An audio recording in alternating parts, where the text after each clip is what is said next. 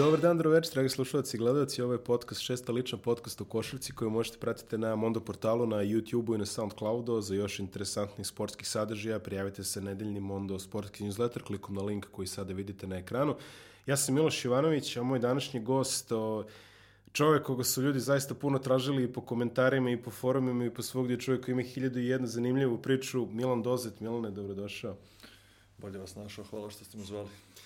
Milane, ti si ovaj, pričao sam ja i ranije s ljudima ovako koji su igrali i za Partizan i za Zvezdu, ne znam sad da li bio baš neko u studiju iskreno ovde, moguće da jeste, sad više i ne pamtim, ali ti si, ovaj, ja, sad sam ti rekao malo pre, pamtim te uglavnom kao čoveka sa najširim osmehom na klubskim posterima Partizana, tamo sa kraja ovaj, 90-ih, kako si ovaj, uopšte počeo sa Partizanom i kako je krenula ta priča? Pa ja sam krenuo 91. godine da treniram eh, sa, sa mojim 79. godištem u 20. oktobru kod eh, legendarnog partizanovog trenera Ace Janjića koga poštuju a, eh, svi naši autoriteti a, trenerski. Sećam se između ostalog na treninge dolazio tada i, i Željko Obradović koji je i sad bog, ali i tad je bio bog i, i faca. I ovaj, sa tom nekom generacijom i kvalitetnim radom kako je Partizan uz i Crvenu zvezdu tih godina imao. Mi smo pravili već tad neke rezultate, osvajali prvenstva tadašnje države, prvo Srbije Crne Gore ili Jugoslave, ne znam više ni kako se zvale, i jedne i druge. Da. Do nekih juniorskih dana. E, u juniorskim danima m, Neša Trajković koji je u tom trenutku bio, e, ja mislim, pomoćni trener prvog tima Partizana, ali čovek koji je i tad radio puno sa, individualno sa i prvotimcima i sa nekim uh, budućim kao igračima je dolazio na utakmice juniora, mi smo u tom trenutku bili valjda izlazno, izlazno godište i posmatrao ko bi tu mogao da bude za prvi tim. E sad uz mog kuma Vardu koji je odskakao od nas uh, bukvalno. bukvalno.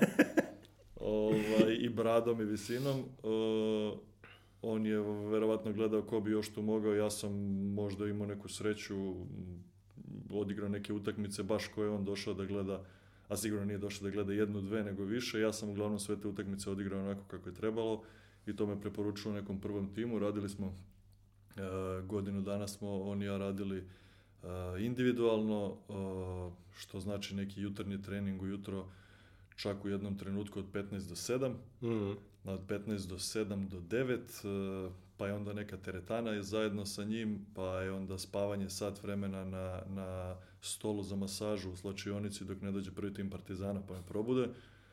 A, onda trening sa prvim timom, e, odlazak kući, popodne ponovo a, e, trening sa prvim timom Partizana i onda posle treninga prvog tima Partizana na autobus pa na Banovo brdo sa juniorima Partizana trening koji se završavao, sećam se da sam nazad se vraćao, živao sam na Novom Beogradu kod roditelja, vraćao se zadnjim nekim e, autobusom, kojeg ako propustim moram da idem peške od zelenog venca do 23. bloka.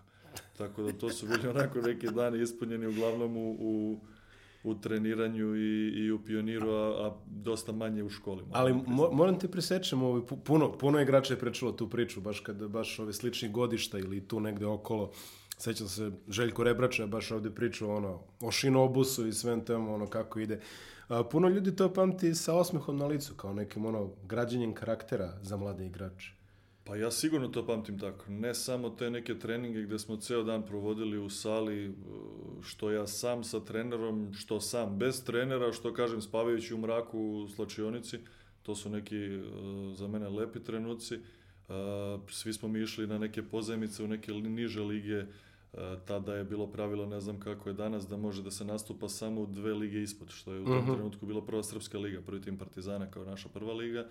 I ja sam e, igrao i za Radnički Obrenovac i za e, Zemun Taurunum, Uh, I kažem, to, su, to je bilo nešto čemu smo se, sad pričam ne samo za mene, nego za moju generaciju radovali i ono što nas je ispunjavalo. Uh, dok moram da kažem da u današnje vreme igrači mlađi uh, s kojima se ja srećem ili još uvijek nešto e, treniram, e, tri puta nedeljno igramo neku košarku 5 na 5, pa dolaze, dolaze igrači raznih, e, raznih godišta, ovaj, to je za njih sad onako neko omalovažavanje možda, svi su neki milionima, svi su neki Teodosići, svi su, niko neće da igra za neki 1000-2 eura, što je za nekog normalnog ili prošnog čoveka kod nas neverovatna suma za platu ali kažem, e, do čega je ne znam, apsolutno neću da analiziram e, zbog čega je to tako, ali mislim da su sad neka druga vremena i da su sad apetiti porasli ne samo a, igrača, sigurno i roditelja koji ih prate od malih nogu, gde u nekoj deci koja još nisu praktično igrala prvu zvaničnu utakmicu, vide neke reprezentativce, vide neke milione, ne znam, automobile ili nešto. A, ti si se priključio prvom timu Partizana, ako se ne varam, čini se 96. ili ne znam da li šeste ili sedme, tu negde je bilo. Pa iskreno da budem, ne pamtim po godinama. Sedme znam da si bio, ovaj, to, to, to, mi je, to mi je provereno, ali... Um, kako je to izgledalo? Ti si odmah ušao, znači kombinacija za prvi tim, odmah igra se Euroliga na kraju krajeva. Ja sam trenirao s njima da li godinu ili godinu i po pre toga, bez, eh, bez utakmice. E sad, eh, tako da sam eh, ne znam, bukvalno, ni, sigurno da se u tom trenutku nisam ni brio. Bio sam totalno fizički prvo nezreo, uh, psihički tek nezreo da uđem u neki prvi tim Partizana, ali je to za mene bila stvarno uh, velika stvar, jer sam ja u tom trenutku još uvijek igrao i za, i za juniore. Uh mhm. -huh. Gde sam shvatio da taj neki rad i, i sve to što sam video da je potrebno i kako se radi u seniorskoj košarci, onda kada se vratite na neki juniorski trening, shvatite koliko u kratkom roku uz neki veliki naporan trening uh, polako odskačete od generacije, što je naravno dalo mi neki vetar u leđa da još više da treniram i, i da, da još, još napornije radim, jer kažem, rezultati su se videli. Partizan je imao neke planove, pa sam e, imao i individualnog trenera na Partizanovom stadionu Bobana Šurbanovića s kojim sam radio. E, međutim, desila se povreda, nije baš telo izdržalo sav taj plan i program, e, pa sam išao pokušenje ligamente.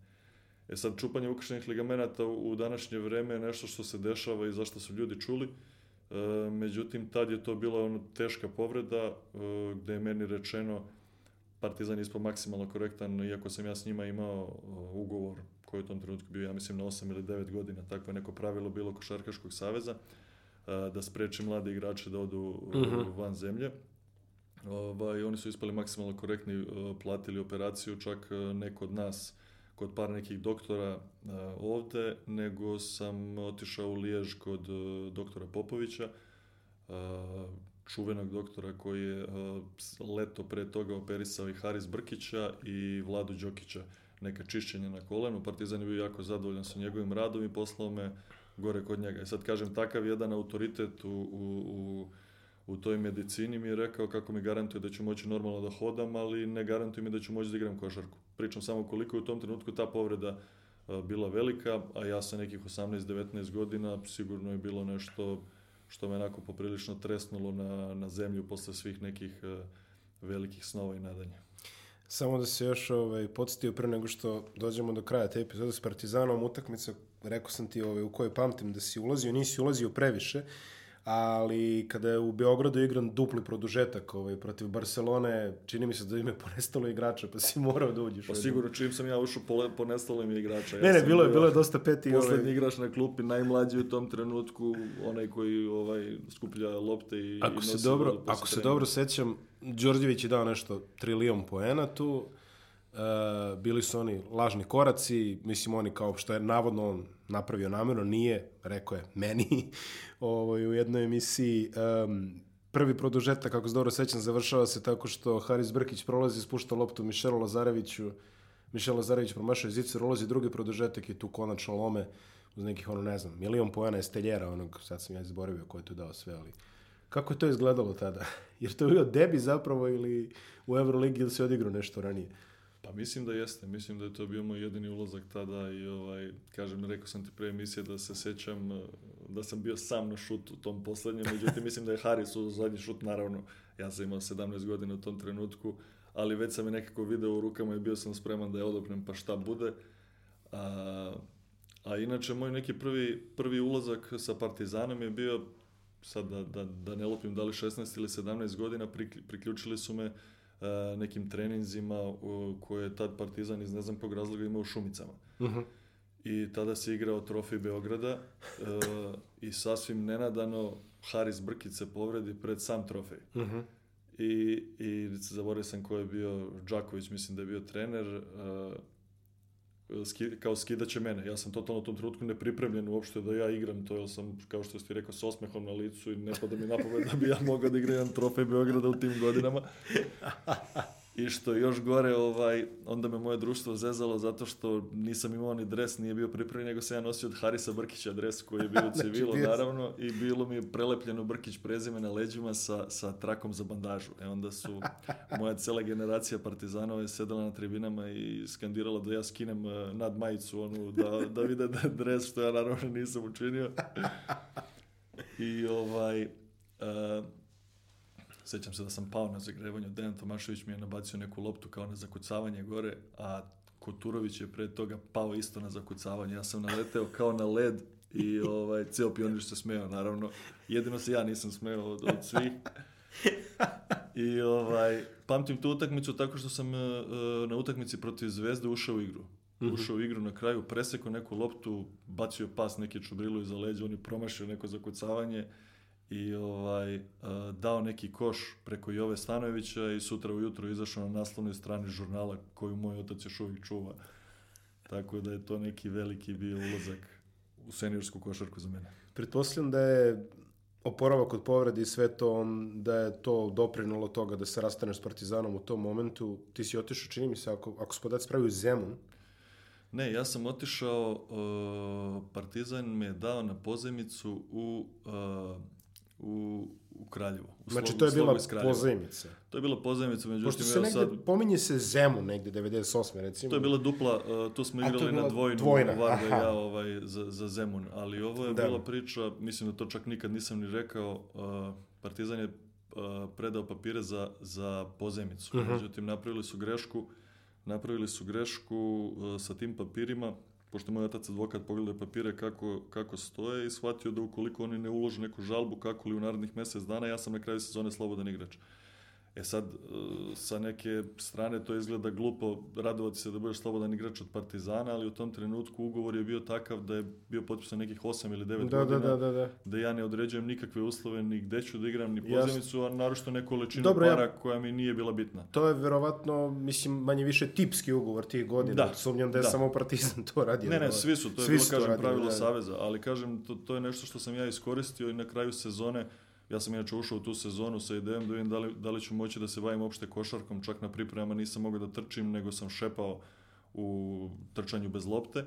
Međutim, oporavak je išao dobro, ja sam igrao, igrao stvarno dobro te sezone. Mi smo izgubili u Kraljevu samo utakmicu od budućnosti koja je bila prvak države u tom trenutku i utakmicu od Partizana. Sve ostalo smo utakmice dobili. Uh, posle te sezone sam imao otvoreno sve klubove koji su bili i budućnosti i Partizan, Crvenu zvezdu, Hemofarm. Išao sam na razgovor i FMP, a išao sam na razgovor sa Partizanom, odmah posle toga se u auto, otac me čekao, otišli smo na razgovor sa Crvenom zvezdom. A, u tom trenutku priča Crvene zvezde koja je bila, moram da kažem, finansijski a, malo lošija nego Partizanova, učinila mi se E, dosta korektnija iz mog nekog tadašnjeg viđenja. Sad pitanje šta bi bilo da sam igrao u Partizanu, ali je priča bila otvorena gde je tadašnji, da li trener ili predsednik, zaboravio sam više s kim sam pričao, rekao da ima potpisanog, ako ja potpišem ugovor, ima jednog beka viška. Na kraju priprema, ko se bude najmanje pokazao, dobije otkaz, ovi ostali igraju. E, to je meni bilo onako neki malo izazovi i ovaj, uh, A, potpisao sam za Crvenu zvezdu, sigurno se nisam pokajao, tri sezone ostao tamo, jako lep period, jako lepo, lepo vreme i to je otprilike to. Ali došao si, došao si u, u Crvenu zvezdu u jednom možda od najturbulentnijih perioda. Dobro, Crvena zvezda generalno od 90-ih pa do recimo 2015 i generalno ovaj, bila turbulentna sredina, ali ti si došao baš u nekom dosta interesantnom trenutku. Uh, Pominjali, da. smo, pominjali smo onaj derbi iz 2001. iz novembra, da li je 4. novembar, na primjer, kada je onako solidno mega jak partizan sa Vujanićem, e, Jovan Stanojevićem i, i celom tom ekipom. E, Duško Vuješević se vratio tada. Zvezda kao potpuni outsider u tom momentu. E, trener Krečković, igrali ste ti, Aleksić, Tica, Koprivica. Koprivica, da, Nedić, čini mi se da je da, bio, da. Srđan Ivanović dao onu trojku ovaj, za kraj, uh, kuriozitet je da ste vi pred taj derbi izbačeni iz hale Pionir u suštini. Pa da, to ono što znači, sam eto, da kažem, eto koliko bitnost, je bila interesantna bitnost situacija. Bitnost tog derbija, te pobede velike naše na tom derbiju je između ostalog i to što smo mi došli jutro na trening pred početak sezone, nedelju dve dana i ovaj, rečeno nam je da ne možemo da ulazimo ili je Zvezda dugovala u tom trenutku neke velike pare za, za halu. Mi smo otišli u park i trčali bez lopte. I sad to ono za ime kakva je Crvena zvezda u tom trenutku ovaj, eh, je baš bio šok. Eh, pokojni tadašnji premijer Đinđić eh, nam je izašao susret, išli smo na neke sastanke, ceo tim, znači svi igrači sa stručnim štabom, sa njim i oni su ta dugovanja a, rešili, vratili smo se u pionir koliko sledećeg dana. A, moram samo jednu stvar da kažem, recimo za taj derbi koji sam ja dobro kao odigrao, a, utakmicu pre toga, mi smo igrali sa radničkim, dobili smo i radnički jedva na produžetak, Uh, ja sam dao 33 poena. Bio sam u nekom dobrom ritmu tih nekih utakmica do tog Partizana i uh, interesantna situacija gde, gde smo mi završili trening i, i šutiramo na pomoćnom terenu u Pioniru, deli onaj veliki paravan. Da. I ja sa jednim od pomoćnih trenera šutiram, vežbam neke, neke svoje pozicije i Dule Vujošević uh, prekida svoj trening ili je išao nešto do slačionice, ne znam šta da uzme. Prolazi pored mene koji, kažem, u tom trenutku igram petorku, u dobrom sam šuterskom ritmu i igram protiv njegove ekipe sutradan recimo i on čovjek zastane, gleda, e, pogleda onako kako šutiram i priđe mi kao, e, nemoj da bude sad ja tebi nešto da pričam, ali znaš, mislim da bi trebao dublje malo da uđeš nogama i pogledaj, neka ti malo lakat ispadne prilikom tog šuta mm. i vidi da prst prati loptu. Kaže mi sve ono što sam ja znao, kaže mi sve ono što trener treba da kaže uh, igraču, znači sigurno greške koje sam ja pravio. E sad pričam samo o veličini jednog Duleta Vujoševića koji yes. protivničkom igraču ispravlja šut na dan pred utakmicu. E, što je još gora situacija ili bolja po mene, ja sam dobro odigrao tu utakmicu, dao neke, dao neke poene. Da, i da ti Aleksić ste imali seriju u poslednjoj četvrtini. Ta sezona se završila, tako kako se završila, onda počinje drugi interesantan period Crvene zvezde ovaj, koji mi koji smo bliži crveno-belim bojama volimo da pamtimo kao evropska zvezda, a ovi drugi zovu kao sledeća sezona, na kraju smo se usaglasili da je zapravo jeste bila sledeća sezona sve to vreme. O, istorija je tako pokazala. Imao si priliku da radiš sa Zmagom Sagadinom i o, igrali ste tu neke ono onu prvu, ajde, za zvezdu, barem prvu, drugu, Jadransku ligu, one dobre utakmice i sve to. Kako je, kako je to izgledalo, taj period? Pa izgledalo je sa, sa jako puno treninga, jako puno nekih sastanaka, onako uloženja u, u mozak i, i forsiranja maksimalno svega, i, i tela i, i, i glave. E, ne znam, igrali smo, igrali smo dobro, recimo taj Jadran. Da. Te sezone bili smo prva ekipa koja je ikad dobila Makabija u, u Tel Avivu. Skuni Pen je ovaj legendarna utakmica. Da. Skuni Pen je, dao 30 i nešto, Borko je pogodio šut za, za produžetak. Da i to sa mesta interesantno koje, e, sa kojeg je rekao na zagrevanju predsedniku Makabija da će da ga dobije odatle. To je, to je neverovatna stvar i on je stvarno čovjek, otvorilo mu se da sa tog mesta šutne loptu i da, da pogodi i da mi dobijemo Makabi ovaj, uh, jednu takvu ekipu. Ali kažem, e, imali smo te sezone ne znam kako je danas, e, danas sigurno jeste, ali u tom trenutku e, tih godina nije baš bilo, sastanci nisu bili pred svaki trening. Uh mhm, -huh. Mhm. E, Zmago je uveo to nešto da kad kaže da je trening sutra u šest, da mi treba da budemo bandažirani spremni u pola šest, jer počinje gledanje e, kasete.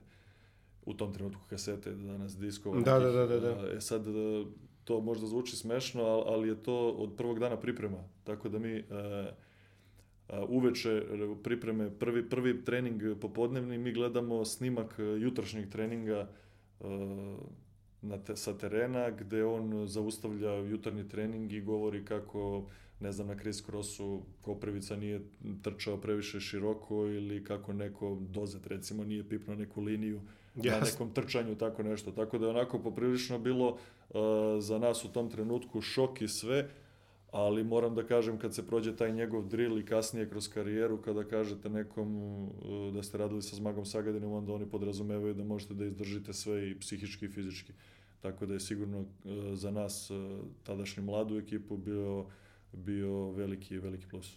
A, dve ima si dva ekstrema u svom mandatu u Crvenoj zvezdi. Jedan je Final Four u ali da Ljubljana, čini mi se.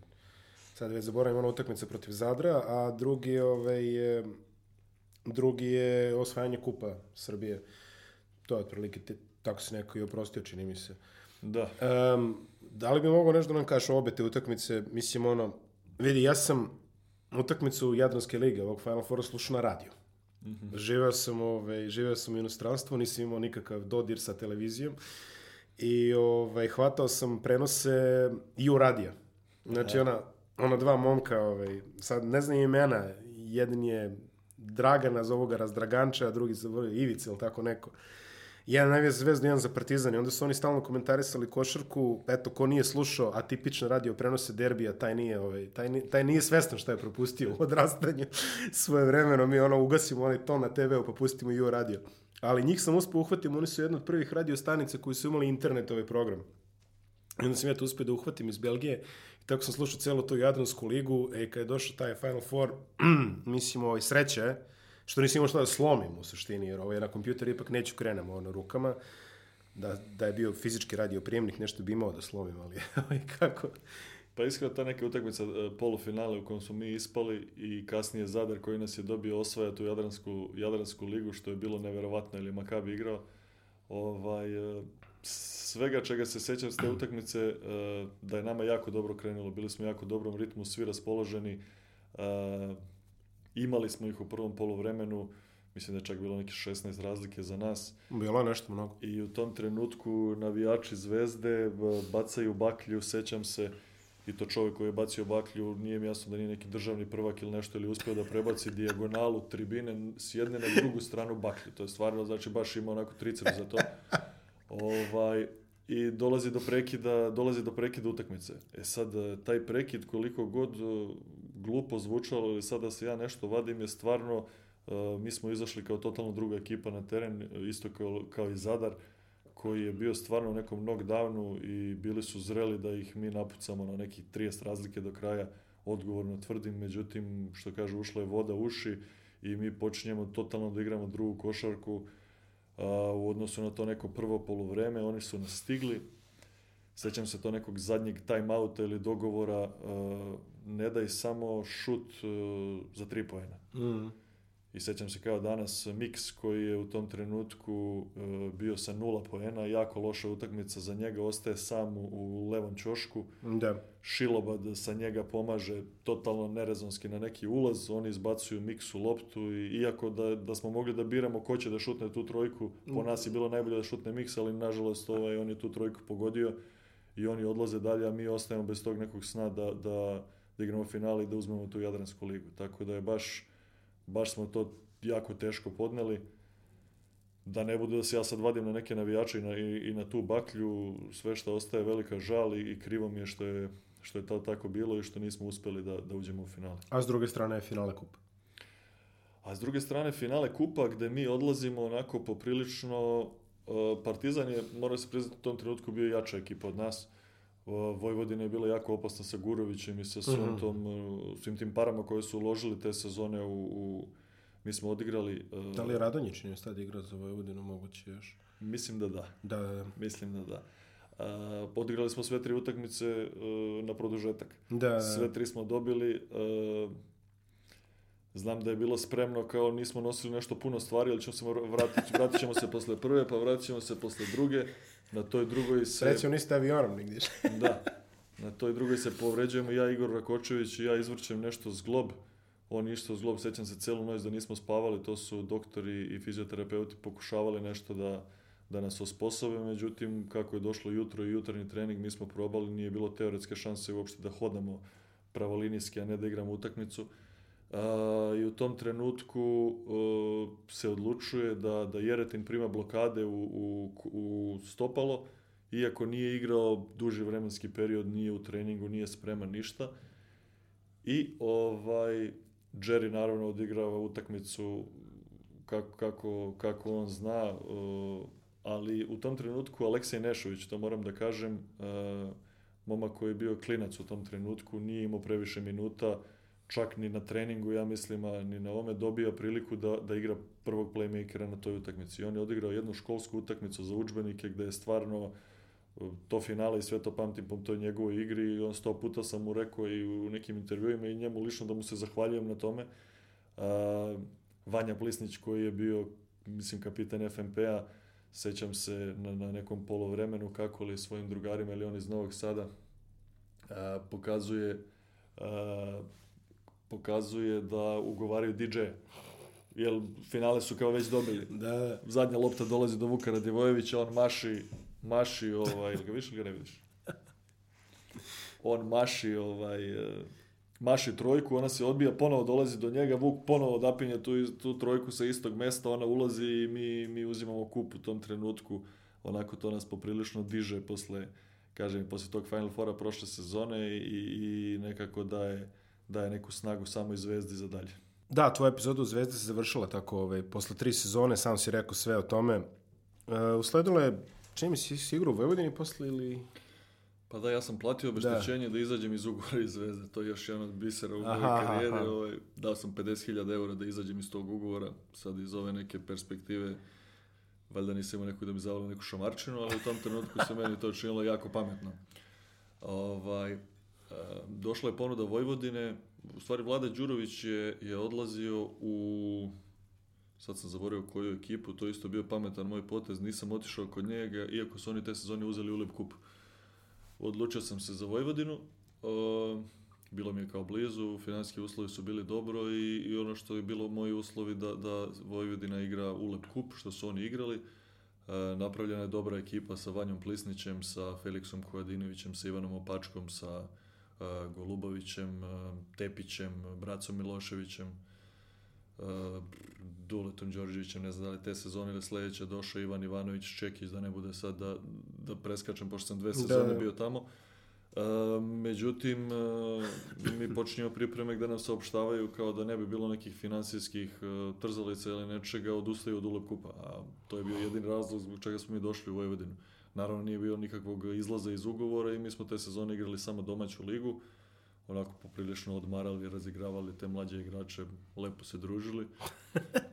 E onda ovaj, sledeće godine e, sledeće godine ulazimo u Jadransku ligu e, gde smo igrali jednu dobru košarku, bili peti u Jadranskoj ligi koja je bila jako jaka te sezone. E, puno nekih mladih imena su tu izašli, kažem i, Tepić i Braca Milošević i Golubović i ovaj, nakon te sezone, pošto sam završio ugovor, sam odlučio da je vreme da idem negde malo preko, da probam, otišao u, u Kijev. Kijev. Da, da, da. da.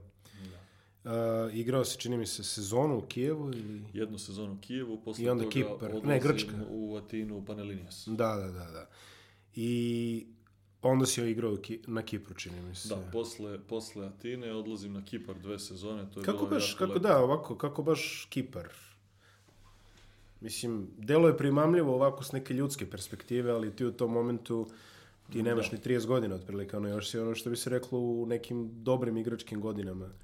Meni, pa. meni često igrači, izvinu što te prekidem, meni često igrači kažu kad napune 33, 4, pa e sad je moment. Za kraj da sezone Kipar ide. Sad je se, da. Pa ovako, uh, i, i ta Tina, e, meni su rodile čerkice, dve bliznakinje koje su rođene jako puno prevremena. Mm. Sad sa jako lošim nekim uh, doktorskim predviđanjima od, od samog porođaja, pa šta će da se desi s njima, hoće li da prežive i neće prvi dan, mesec, e, godinu, da li će da budu zaostali ili ne, nije ni bitno.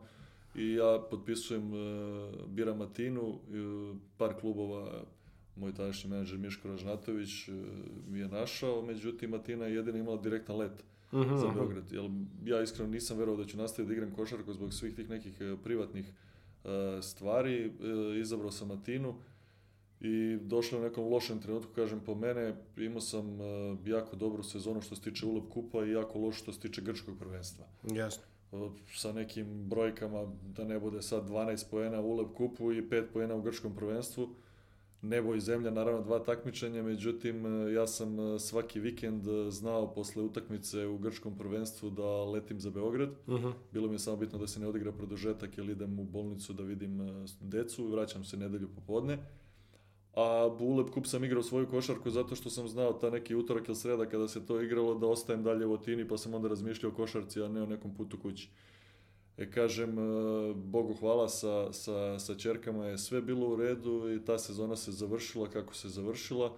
Ja se odlučujem za Kipar zato što su one e, u tom trenutku već mogle da idu sa mnom da žive i Kipar je bila, bila neka idealna destinacija za, za nas kao porodicu, za njih e, za neki njihov razvoj pluća i uopšte da yes, da žive na yes. moru i u svemu tome. S druge strane, taj isti AL u koji sam otišao je pravio jako dobru ekipu, a imali su zacrtan cilj na početku sezone e, Final Four Euro Challenge-a, što smo mi napravili, dobijali neke ekipe koje su i po budžetu i po imenima bili daleko, daleko e, bolji nego što smo mi bili. E, otišli na Final Four gde je učestvovao Kinder, uh, E, učestvovao je e, od Aškrabića e, ruski tim stao mi mozak ne znam koji i Nando, Nando da. Dekolo Colo igrao sa Francuzima mm -hmm. kao, kao četvrta ekipa.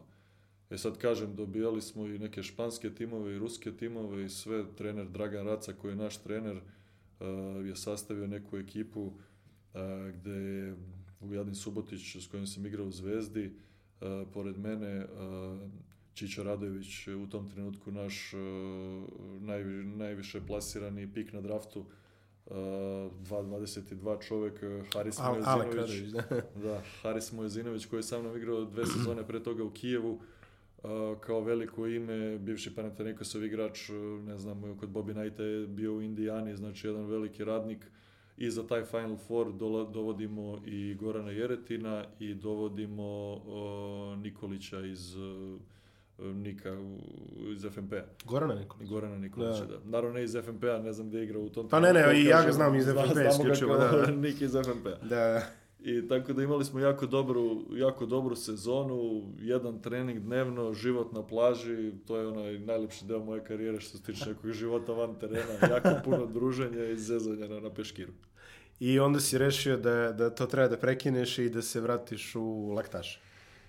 Pa dobro, u tom trenutku deca već počinju onako nešto da pričaju. Ja shvatam da, da postoji opcija da one budu recimo u Beogradu, a ja da budem mm. bez njih, što za neko moje vaspitanje, kako sam vaspitan sa roditeljima, nije dolazilo nikako u obzir, makar ja batalio košarku. Dolazi ponuda iz Igoke koja te sezone... A, te sezone će da igra prvi put Jadransku ligu, napravili su novu, novu halu i cela ta priča uh, mi se jako dopala, ali kažem, prvenstveno moj motiv je bio zbog dece da će moći na nekom našem govornom području da Jasne. najnormalnije rastu, jer tamo sam vidio niti se sa kim druže, niti postoji mogućnost da idu u neki vrtić zbog jezika i zbog, zbog svega toga. Odlazim u laktaše, sigurno se nisam pokajao, uh, prve sezone otvaranje hale protiv jednog Panatanikosa i, i jako dobra sezona uh, u Jadranskoj ligi, međutim usled nekog pravila mi gubimo finale, na niz nekih nesrećnih događaja od e, pucanja debelog creva Čedi Vitkovcu do pogibje brata Žareta Tarakočevića i mi gubimo finale e, protiv Širokog brijega i sledeće sezone ne nastupamo u, u Jadranskoj ligi, iako smo bili daleko bolji te sezone u Jadranu od njih. E, igramo druge sezone samo Bosansku ligu. E sad, ceo skoro tim je nekako otišao, nisu želeli da nastave uh, a, sa Igokeom, što Igokea nije bez zadovoljan s njima, što oni nisu bili zadovoljni sa tom a, samo bosanskom ligom, ostajemo Nebojša Joksimović i ja. A, sad kažem koji je bio njegov motiv, ne znam, moj motiv je prvenstveno bio, bila porodica i da ostanem, da ostanem u košarci. E, Igokea te sezone pravi e, jako dobru ekipu što se tiče nekih novih e, perspektivnih momaka koji su za tu bosansku ligu možda iznad te lige, ali nisu imali do tad prilike da igraju neku ozbiljniju košarku, neke jadranske lige ili neki, neki ulep kupovi. Uh, I Gokea to jako pametno koristi e, sledeće sezone za Jadransku ligu, ostavlja skoro ceo tim. Uh mhm. -huh. Znači, uigranu ekipu, ekipu koja se zna, razume, ostavlja trenera Bajića koji ovaj, um, koji je vodio zna sve jednog igrača, dovode dva nova stranca kvalitetna, Cliff Hammondsa i, i Korsley Edwardsa koji je sezonu pre, ja mislim, igrao u CD Viti gde je jako dobro. Svoje vremeno pik druge runde Sacramento Kingsa. Da. I, i dovode, dovode Jorovića. Da. Znači, to su praktično tri nove igrača u jednu uigranu ekipu mi počinjemo sezonu gde, pošto sam tamo bio malo duže, pa onda znam kako uprava je razmišljala i sve, počinjemo sezonu sa tim da probamo sa tim što imamo, jer su momci zaslužili od prošle sezone nekim svojim zalaganjem igrama, a kako šta ne bude valjalo, tako će da se menjaju igrači, jasne, trener, jasne. šta god bude trebalo. E sad počinje pripremni period koji mi odrađujemo jako dobro. uh, E, gde dobijamo, ja mislim, sve pripremne utakmice. U tom pripremnom periodu tri puta smo dobili Partizan, dobili smo CDVito koja je bila Euroligaš u tom, u tom trenutku e, sve jače timove u e, Jadranskoj ligi smo mi dobili, plus neke strane timove koji su dolazili ili koji smo igrali na neki, po nekim turnirima u Hrvatskoj. E sad, mi smo u tom trenutku već znali svoju snagu. Znali smo između ostalog i da je ekipa sastavljena od nas nekih starijih igrača koje telo još služi, koji imaju neko iskustvo, a nemaju apsolutno nikakve ambicije da idu negde dalje. Znači, yes. nemamo nekih e, prepreka da, da je ego toliko veliki da ja gledam neku svoju statistiku ili nešto, zato što sledeće sezone se nadam da ću ići neku zvezdu ili partizan. A, i, I mladih igrača koji su dobili e, veliku šansu da igraju tu Jadransku ligu, Uh, i kažem čiji ego u tom trenutku ipak e, jako mali za nešto da uzimaju više za sebe a više da celim srcem daju sve za ekipu, što se, što se pokazalo kao, kao jako dobro i mi smo ekipa koja je, svi kažu za tu sezonu i Gokeja je završila prva te sezone. Mi smo ekipa koja je bila od prvog do posljednjeg kola na prvom mjesto. Znači mi nismo ispustili prvu poziciju cele sezone, čak neke utakmice koje smo izgubili je bilo na jednu loptu kao protiv TC Devita u Zagrebu gde je čovjek pogodio preko mene sa, sa 10 metara trojku preko ruke, ona je ušla i e, u tom trenutku, kažem, veliko samopouzdanje kod nas, e, individualno i kao ekipe. E, Bosanska federacija sa katastrofalnim svojim odlukama donosi, donosi odluku da te sezone na terenu Bosanskoj ligi mora da bude igrač do 18 godina. A, I sad, e, Jadranska liga naravno pravi pauzu između posljednje utakmice u Jadranu i uh, Final Four mm, da. da. mesec dana. Jasno. Uh, sve ostale ekipe se takmiče, nastavljaju sa nekim jakim takmičenjima, mi igramo protiv nekih dosta slabih ekipa nego što smo mi i nijednog trenutka ne treniramo niti u ritmu, niti ekipa koja će da nastupa na Final Fouru zbog nekih ranijih iskustava, jer ako izgubimo domaće prvenstvo, ne možemo jasne, da jasne. sledeće sezone igramo Jadran, koji god bili. Ovaj, tako da nije neki alibi, ali potpuno nespremni ulazimo na taj Final Four, ne pokazujemo uopšte svoje pravo lice ni individualno, ni, ni ekipe i gubimo sasvim zasluženo od ekipe Partizana koja je stvarno, stvarno jako nas napala i odigrala tu utakmicu. Tako da svo to neko slavlje koje smo mi imali, koje su nam obećavali od Romana Lisca pa ostalih sa nastupom Euroligi je palo um, Da, mimo išli smo taj deo da su ovaj, pravila lige ovaj, promenjena u sred te sezone. Ovaj, usudit ću se da kažem direktno da Igo Kea ne bi učestvovalo u Euroligi. Jer dobro, po, je... po pravilima Igo Kea je kao prvoplasirani tim iz regularnog dela sezone. Tako je počela sezona.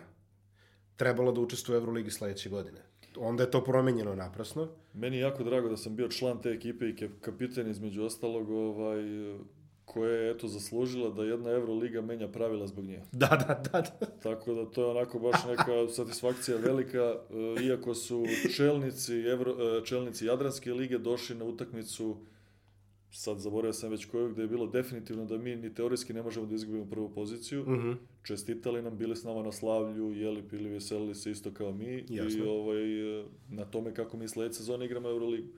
I onda već posle par dana dolaze neke priče do nas kako ne može, čak smo imali sastanke sa, sa predsednikom Dodikom, e, prvo nije moglo valjda hala da bude neka pravila, onda je on da, rekao kako će blizina aerodroma da se, nešto. hala da se preuredi, onda su rekli da ne može da se preuredi, treba druga, onda je on rekao da će da se igra u Boriku, onda su rekli dobro može Borik, ali aerodrom nemamo. Onda je on čovjek rekao da laktaši inače imaju svoj aerodrom, Onda su oni rekli da, ali treba međunarodni. Rekao međunarodni aerodrom jer međunarodni letovi idu sa tog aerodroma. Onda su izmislili kako ne znam koji broj uh, treba dnevno letova, mislim neke nebuloze, nije sad ni bitno. Uglavnom su nam dali do znanja da jedna Euroliga nije zainteresovana, nije zainteresovana za uslovno rečeno neki mali, mali klub iz, iz Laktaša da igra Euroligu, iako je, iako je on to sasvim zaslužio.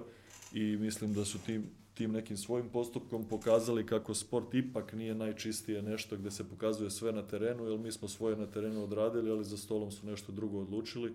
Ostaje veliki žal, ali kažem, mi što je bilo do nas i do nas i do uprave i svih ljudi tamo koji su nas bodrili i živjeli s nama, mi smo odradili sve maksimalno. A sad kažem, zamisli da ste pobedili Partizan, šta bi još morali da smisle ovaj, da se ovaj, obstrojišu o tome? Pa ja mislim da je možda bolje ovako, da ne bi neko pobio tamo nešto, što ja znam, ceo autobus zapalio ili nešto. ovako ipak bolje. Um, ti si proveo četiri sezone u da, Igu Keji i ovaj, doživio si da ti dres bude povučen. Da. Eto, slušao sam Veselana Petrovića kome je dres povučeno u standu i u tebi je dres povučeno u Igu Keji. Kako izgleda sve to? Kakva osjećanja su to? Pa iskreno da budem, uh, mislim, ja sam bio bez reči prvo kad mi Igor, Igor Dodik uh, saopštio da će oni meni da dignu dres. Tu smo se našli na, na nekom ručku u Beogradu. Uh, ovaj, ja nisam znao šta da kažem čovjeku. Čak mislim da mu se nisam, što se kažu, pošteno ni zahvalio na tome, jer sam bio mm. u hmm. takvom šoku. Jednostavno nisam očekivao. E onda sve to kad smo došli, kada smo došli tamo i kada sam ja shvatio u tom nekom trenutku tek koliko je to velika stvar i sve, jednostavno nisam imao nekih, e, nisam imao nekih reči ni da se zahvalim tim ljudima, ni nekako to sve da pokažem. Mislim da je to jedna velika, e, ne znam kako da, da, da to objasnim, veliki ponos za mene i sve, ali s druge strane to je ono što sam odmah rekao i njima, mislim da nisam zaslužio apsolutno ništa više da mi se digne dres e, nego bilo koji drugim igraču od te sezone što smo nastupali. Uh, mislim da smo svi potpuno uh, jednako dali i od e, mene kao kapitena pa do posljednjeg recimo najmlađeg igrača, doktora, fizioterapeuta, trenera, pomoćnog, bilo ko od tog osoblja i, i da je bilo ko možda bio drugačiji, ta sezona ne bi bila takva i mi ne bi napravili takav rezultat. Tako da kažem, još jednom neopisiv osjećaj za mene, e, deca su bila sa mnom tamo na, na dodali toga što supruga, naravno roditelji moji, ovaj, e, nešto što ću ja sigurno da pamtim za ceo život, vrlo rado idem tamo da se vidim i sa prijateljima, da vidim, e, pratim naravno i gokeu, da pogledam neku utakmicu, nešto i ono svaki put kad vidim svoj dres gore i, i dalje ne mogu da verujem. Prelazimo na ovaj, nešto novo za, za, za ovaj podcast, to su ovaj, pitanje gledalaca. Kao što sam rekao, ovaj, dosta si popularan, dosta si mnogo utisak ostavio i sada, pazi ovako, znači, ako ugostiš gozeta, ovaj, dozete pitanje sa, sa foruma, čovek koji je potpisan kao Brigeta Banja Luka, znači očigledno je BL Banja Luka, Znači, ako ugostiš dozete, samo ga pitaj kako su Bocki sakrili auto i kako je nadgledao ekipu u traktoru, pod znacima navoda, tokom boravka u Igokeji. Izvoli.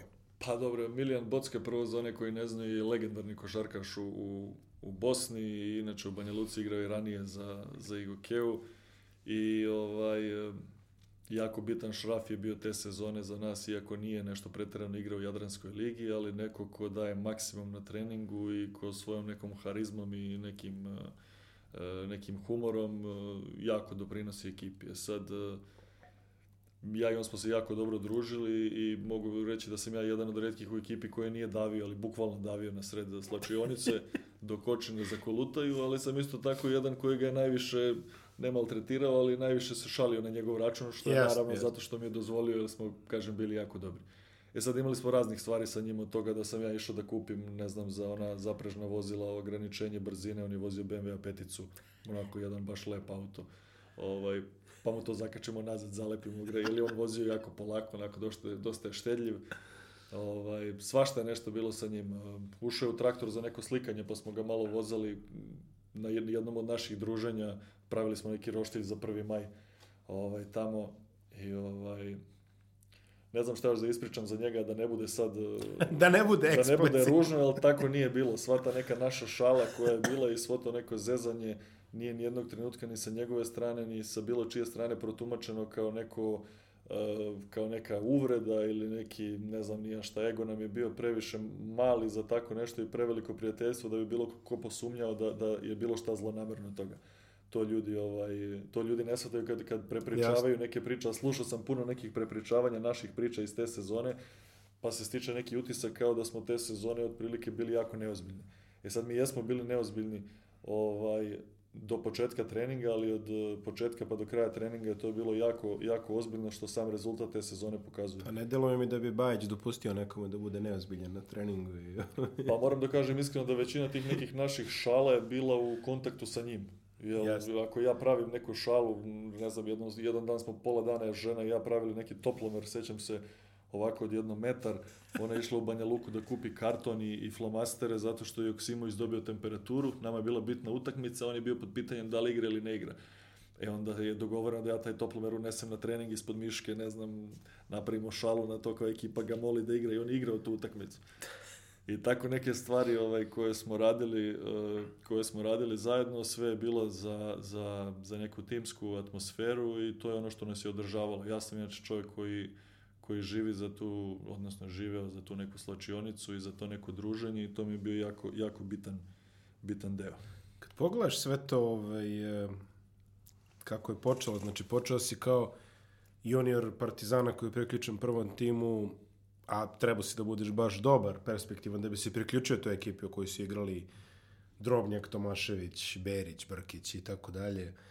Pa Zvezda, pa eto sve to između i ovaj, na kraju Igokea gde ti povlači dres u suštini.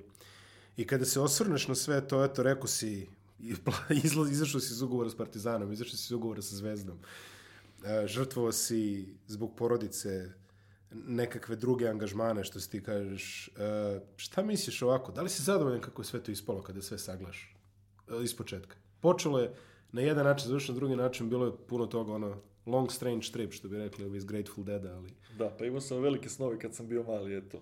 Mada moram da kažem, to uvek ponavljam za razliku od današnjih klinaca i sve ja se sećam nekih mojih snova ovaj, Partizanu moj neki san je bio da, da obučem uh, prvi, da obučem dres prvog tima Partizana. Mm. Seniorski dres. I to mi je bilo ono izaći na derbi, recimo, to je bio moj neki zadnji domet o kom sam ja sanjao. To je nešto što sam napravio sa 16 godina, sve preko toga je za mene bio bonus. E sad kažem, kada čovjek to dostigne, onda nešto sanja više. U trenutku kada sam počeo da sanjam neke velike snove, kada mi se to činilo ostvarivo, dolazi do povrede kolena, godina i po dana pauze kući bez košarke, onda ponovo neko penjanje tu po, u, u, kroz, kroz slogu i kroz sve to zvezda, gore dole, a, ovaj, pa ne znam, dosta, dosta š, e, šarena karijera, sigurno da ne mogu da, da ne budem zadovoljan. Da li sam mogao više, moje lično mišljenje da sam mnogo, mnogo više, da li sam zadovoljan s ovim što sam napravio, sigurno da sam zadovoljan.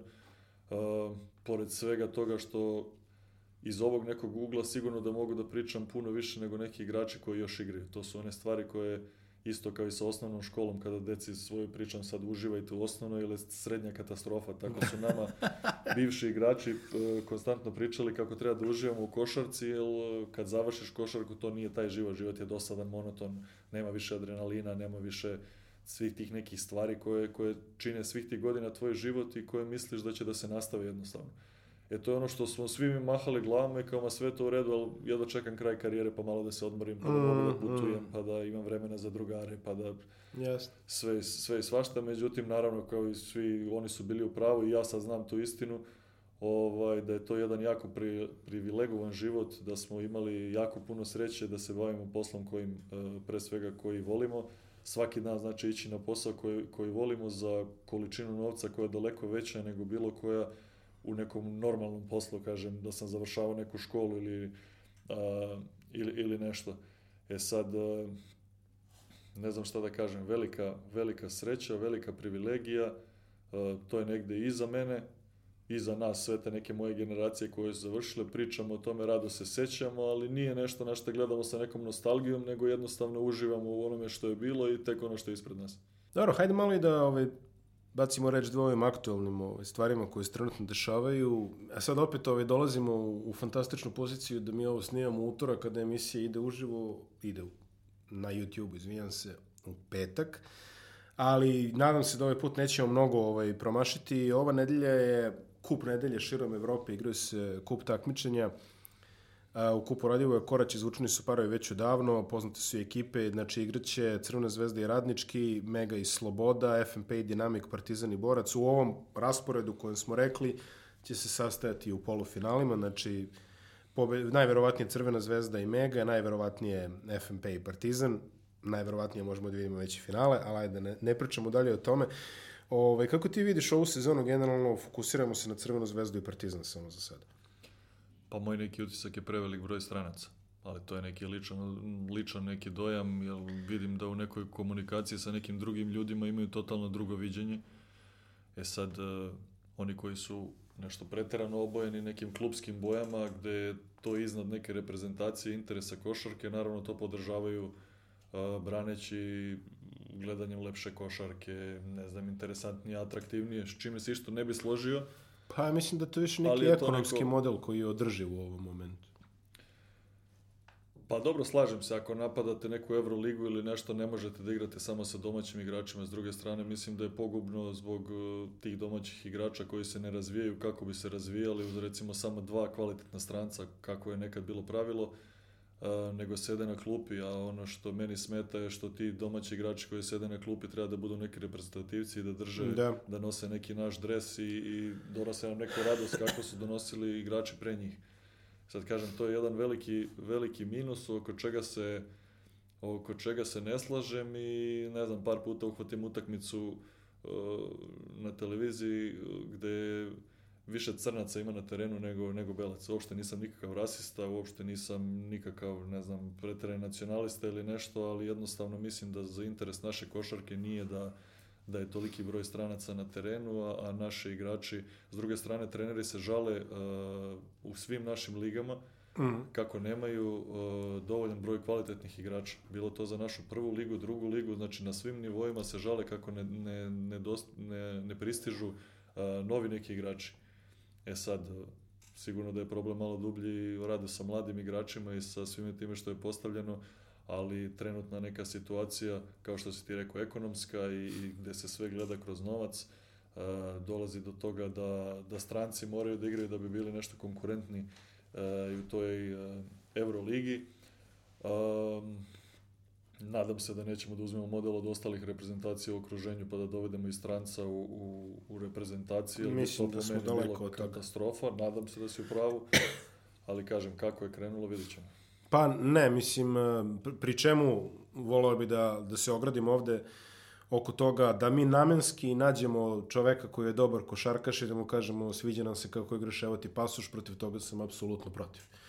U slučaju čoveka koji dođe ovde, ne znam, sa 14 godina, pa je ovde 10 godina, pa zna srpski, pa sve naturalizovao se prirodnim putem, ne bi imao ništa protiv da on Naravno, ne. mišljenje je potpuno isto, samo Tako nisam je. za to da se bilo kakav rezultat e, Apsolutno, da se kupuje. Da se da kupuje. Da se kupuje. To je sport, je, mislim da ni jedan e, pravi sportista ili takmičar ne razmišlja suprotno tome, jer ja ne navijam, kada navijam za repšu reprezentaciju, ne navijam da budu prvaci sveta ili prvaci Evrope. Navijam mm. da budu a, e, najbolja verzija sebe, i da igraju najbolje moguće što može i zbog toga ja navijam, a ako je to dovoljno da oni budu prvaci sveta ili Evrope donesu medalju, onda je to Utoliko bolje. predivna stvar.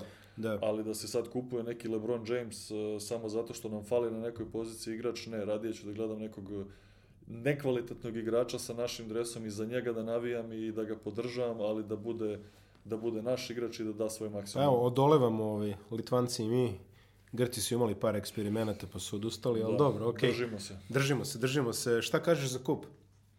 Pa kao što si sam rekao, mislim, jako finale se nazira za, igrače, za, za te ekipe što igraju, ali mislim da je finale sasvim realno a, Zvezda Partizan. Sad neka sreća ili nesreća za jedne ili druge što je derbi bio nedavno i što otprilike znaju šta će da bude, šta će da bude, bit će sigurno gusta utakmica kao što je bila i i ovaj, kao što je bilo na derbiju, nijanse odlučuju i jedni i drugi imaju svojih e, uspona i padova i nekih minusa u ekipi i pluseva naravno, ali mislim da je kao i derbi da će da bude jako dobro i neizvesna utakmica do kraja i da sigurno uh, kup takmičenje pričali smo pre toga, ti kažeš vidjet ćemo do finala. Sigurno kup je uvek pun iznenađenja, jedna da. utakmica je u pitanju, ko zna šta može da se desi, ali najrealnije je finale Zvezde i Partizana. Jest. I mislim da niko od mm. njih dvoje nije favorit, možda u ovom trenutku Zvezda, samo zbog utakmice uh, koju je dobila u derbiju, ali kažem, ništa ne znači. Dobro, da, Zvezda je odigrala dve dobre pa dve loše utakmice u poslednjih uh, osam dana, čini mi se. Previše imaju oscilacija u, za, u zadnjem nekom periodu, iako su opterećeni naravno sa velikim brojem utakmica, ne može ekipa da izdrži to ni psihički, ni, ni putovanja, sigurno da se zamaraju ali kažem, neka, neke njihove oscilacije u igri ne daju nam za pravo da sad kažemo da je Zvezda u ovom trenutku puno bolja od Partizana. Da, da, da. Iako razumim. sam ja navijač Zvezde, a da ne bude sad... Ne, ne, pa... Bože moj, mislim, ono, ja istupam iz te pozicije od, od kako, ono, od kako internet postoji. Ali, ove, ovaj, mo, evo, znači, sumnjam da radnički može da iznenadi ove ovaj, crvenu zvezdu, opet, kažem, nije nemoguće, jeli, ništa. Pa Imamo... mislim, ako se Zvezda ne pojavi na toj utakmici, onda mislim da... Ne, ne, ne, naravno. ne, mislim, fore što ste igra u četvrtak, tako da u petak ono moramo da napravimo neku ogradu, da ne ispadnemo potpuni magarci, ali ovo... Nema, u celo... mi, mi unapred garantujemo finale. unapred garantujemo finale. Na moju dušu. Ne, okej, okay, te, tebi na dušu nek bude, pa onda ovaj, nek bude, eto, neizvesno ko, prošle, ko u prošlom kupu. Ovaj. Što, bi, što bi se reklo i neka bolje pobedi, hvala Bogu. A, poslednje pitanje za tebe, ono što postavljam svim gostima koji su bivši košarkaši, a to je da mi izdvojiš tri protivnika koje je bilo najteže čuvati tokom tvoje karijere. Tri protivnika? Da. Pa ne znam, recimo Makabi je te sezone kad su igrali protiv nas imao jako, jako, ovaj, jako dobru ekipu sa jako dobrim strancima ali evo izdvojit ću neke naše igrače, ja kad sam ušao prvi tim Partizana, to su bili Mića Berić i Haris Brkić, naša dva stvarno neverovatna igrača u tom trenutku, ne za mene kao neko ko ima 17 godina, nego za bilo koga koji ih čuva. E sad, e, u sve to e, blokove je pravio Jan Dejan Tomašević i, i pored njega e, Stragi, tako da sam ja to obilazio kao oko trafostanice, ono, po dva minuta pa su se svi drali na mene, ali to su bila stvarno dva igrača koja su za mene bili onako o, vanzemaljci od kojih sam ja upijao neke sitne, uh, sitne fazone, otkrivali mi neke tajne i moram da eh, navedem samo u nekim mojim zrelim košarkašim godinama kada sam igrao za zvezdu, to je Saša Bradović. Mm. Igrali smo neke utakmice sa njima i, i u Nemačkoj pripremljene, igrali smo utakmice protiv njih kada je on nastupao za budućnost. Budućnost, da, da, da. To je igrač koji je stvarno me, me um, ne znam koji izraz da upotrebim sam sebe da ne ponizim previše, ali ovaj, i fizički, e, fizički je bio neverovatno spreman. E, u odbrani je čitao, čitao neke moje kretnje, u napadu mi pokazao onako da sam ja još poprilično u tom trenutku zelen za njega i pokazao svu svoju klasu, tako da stvarno mi je bilo jako teško njega čuvati. Ove neke igrače koje sam čuo dok sam igrao po inostranstvu, to je opet onako malo drugačije i specifično i koliko god to ružno zvučalo ili nešto, nije neka e, draž ni, ni neka zagriženost kada se nastupa za neke e, strane timove protiv nekoga i kada se nastupa za, za, neki, za neki naš tim. E, sigurno da igrati derbi e, za Zvezdu ili Partizan je nešto što je ono što, što ja pamtim i bilo koji igrač koga sam čuo ili protiv koga sam ja igrao u tom trenutku, savtavi neki naboj same publike. U moje vreme je bilo e, hala pola-pola, znači pola da, partizana, da, da, da. pola zvezdina, što je, mislim da i danas treba tako da bude, ovaj, je, je nešto, ono, kažem, što ću pamtiti ceo život, sam, sam taj naboj i tu neku, tu neku atmosferu. Tako da, ne znam, kažem, to, to su neki domaći igrači potpuno koji su... Se, onako... Potpuno se slažem s tobom i dodaću, imao sam gosta iz Amerike prošle nedelje, koji je bio ovde u podcastu i išli smo na derbi ove, ovaj, zajedno i onda posle ono u tunelu čekaš igrače da prođu i eto tačno ovaj, e, Billy Beron koji prolazi, Charles Jenskins koji prolazi i kažu ne ovo je kao bilo u redu, ali kaže prava mi atmosfera kada je 50-50. Kaže kada ima i naših i njinih što bi reklo i kaže a Mike Lođo koji je na parkingu isto priča sa nama i kaže, ne, ne, kaže, morate da idete na kup. Kaže, na kupu dole u Nišu kad je sve 50-50, e, tako da eto, igrači se slažu definitivno s tobom. Pa dobro, Pionir je svakako ima neku posebnu draž i ne znam uopšte zašto je to napravljeno sa, sa tim nekim bezbednostima. Ali to je samo u Jadranskoj. Pa dobro, ali ne, ne može, ne, ne mogu da obezbede obe strane. Toliko godina je moglo da se obezbede da, da bilo da, da, divljanja. Da. Ja sam bio na derbiju kada su se i gasila svetla mm. u pioniru. I, i to je bilo, je, da, 9798. Kada je pucano sa, sa onim uh, projektil neki da, koji je da. gađao na drugu stranu i bilo je stvarno raznih gluposti, utrčavanje navijača na teren i sve Jasno. smo to nekako prošli, ali kažem, sve to pada u neki drugi drugi plan, jer sama ta energija i sve to što dolazi ne samo naših navijača koji su onako vetar u leđa, nego i nekih protivničkih igrača, njihovo, navija, njihovo navijanje je sigurno veliki motiv za, za, za sve igrače na terenu. Kažem, žao mi je što igrači uh, sada neće osetiti tako neku stvar, tako neku čar derbija. Ja još jednom podsjećam slušalci i gledalce da se prijeve na nedeljni Mondo sportski newsletter klikom na link koji sada vidite na ekranu. Milane, tebi još jednom hvala što si došao. Iz, izuzetno priča, eto, nisi izneverio ni publiku, ani mene koji te je doveo, tako da hvala, hvala ti puno. Hvala. I sve najbolje.